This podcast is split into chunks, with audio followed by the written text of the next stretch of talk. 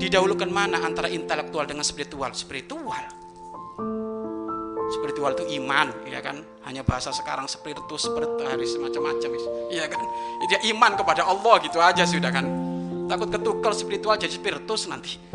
Ya kan? Nah, ini kan ini ya harus diimbangi lah bahasa-bahasa sekarang ya kan. Jadi spiritual itu ya hati, cerdas hati. Cerdas hati itu apa? Iman kepada Allah, iman kepada Rasulullah. Sehingga hatinya itu menjadi benteng untuk akalnya ini nggak sewena-wena. Ya, akalnya tidak sewena-wena, sewena-wena. Baik, itu contoh.